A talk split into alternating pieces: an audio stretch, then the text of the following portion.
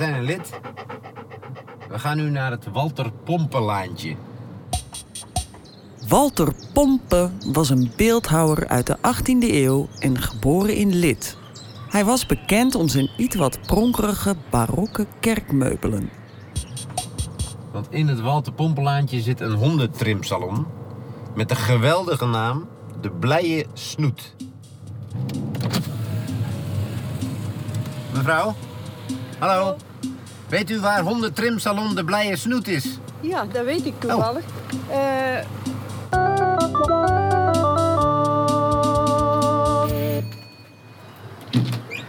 Ik ben Linda. Hoi Linda, Michiel. Ik ben Linda. We treffen Linda terwijl ze aan het plukken is. Plukken? Ja, plukken. Wij weten niets van hondentrimmen, maar misschien kan Linda ons hier wat meer over vertellen. Het is, eh ja, hondentrimmen houdt eigenlijk in, eh, ja, het, het knippen zeg maar van honden. Eh, ik heb hier een plukhond bijvoorbeeld op tafel staan. Wat hond? Een plukhond. Die wordt helemaal met de hand wordt die geplukt.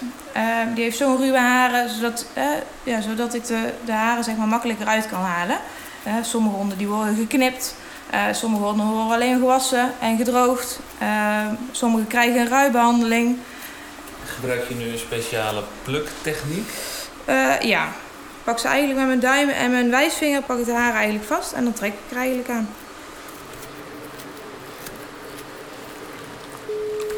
Als het lukt. Hallo, met Jelle. hey Jelle, jij weet heel veel hè? Ja, dat zeggen ze ja. Hoezo? Nou ja, we maken nu een eh, item over hondentrimmen en ik weet daar helemaal niks van af. Oh, oké. Nou, bij eh, honden heb je verschillende soorten vachttypes die allemaal te maken hebben met hoe de ondervacht gevormd is, hoe de bovenvacht gevormd is. Er zijn veel verschillende vachttypes. De meest voorkomende vachttypes zijn de gladde vacht, zoals bij de Whippet en de Engelse Toy Terrier. De gekrulde vacht, zoals bij de Curly Coated Retriever. De dikke vacht, zoals bij de Finse lappenhond. De lange vacht, zoals bij de Yorkshire Terrier de halflange of zijdeachtige vacht. Zoals bij de Engelse Cocker Spaniel en het vlinderhondje. De geplukte vacht. Zoals bij de Airedale Terrier. En de getrimde of geschoren vacht. Zoals bij de Bison Frisé.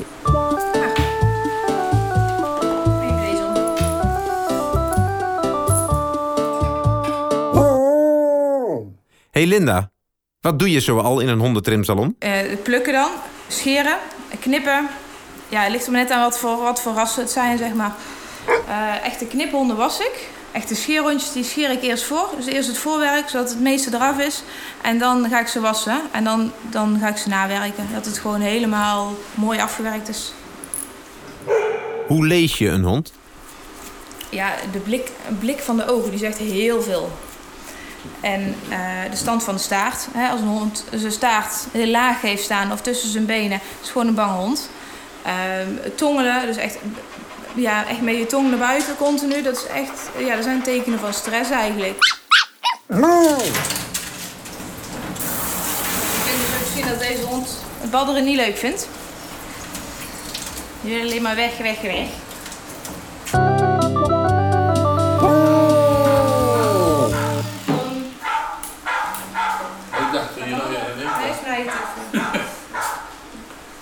100 remsalon de blij is het, bij Linda.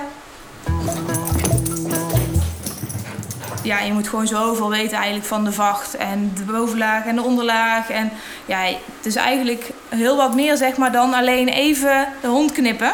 Ik heb daar een boek liggen. Er staan eh, heel veel hondenrassen in. Er staan de meeste hondenrassen in, moet ik zeggen. Er is gewoon een soort hondentrimbijbel. Ja, eigenlijk wel. De grote hondentrimbijbel is geschreven door Eileen Giesen. Bij de Biep hebben ze hem toevallig. Maar warempel, hij is uitgeleend tot na onze deadline. Wel hadden ze een ander boekje over hondentrimmen.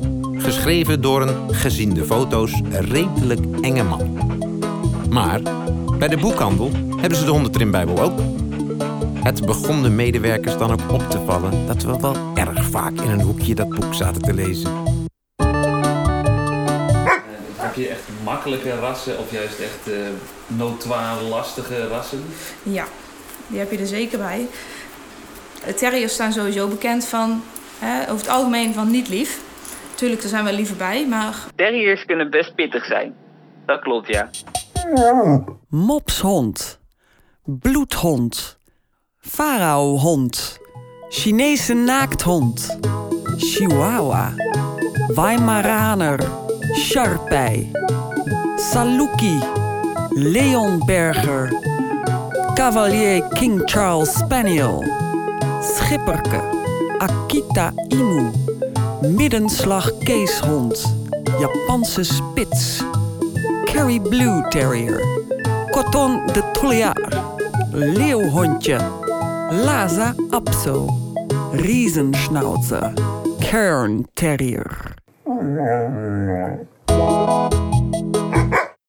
En jij hebt, uh, jullie hebben een hele speciale hond, toch? Ja, ja, klopt. We hebben een Tibetaanse terrier. Maar er was toch iets speciaals met, uh, met jullie hond? Nou, uh, dit is een hond die je eigenlijk niet mag trimmen.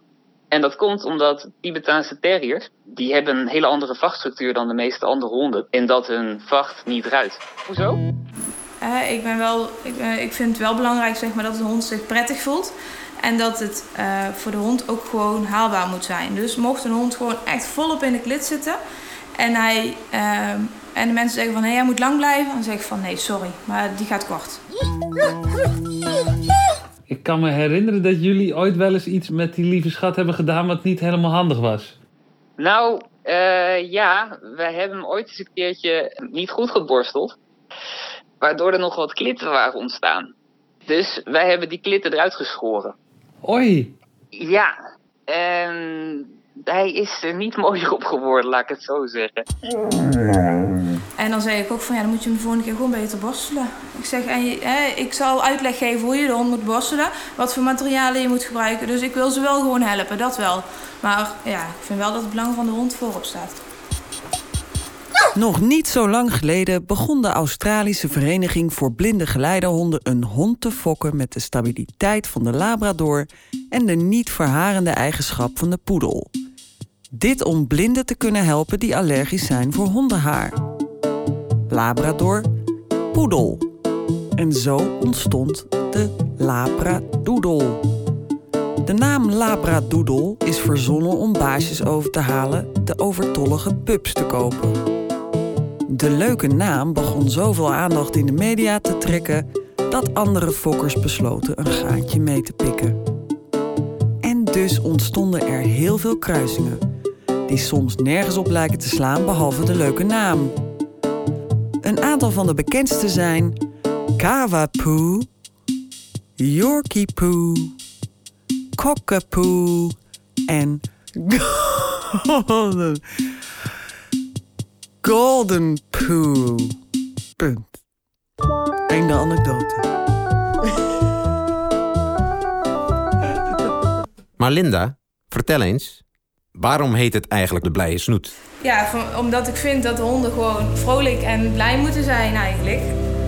www.deblijesnoet.nl Oh, daar komt de volgende klant aan. Nou ja, hartstikke bedankt. En ik hoor het wel. Oké, okay, hey, dankjewel. Doei. Dag.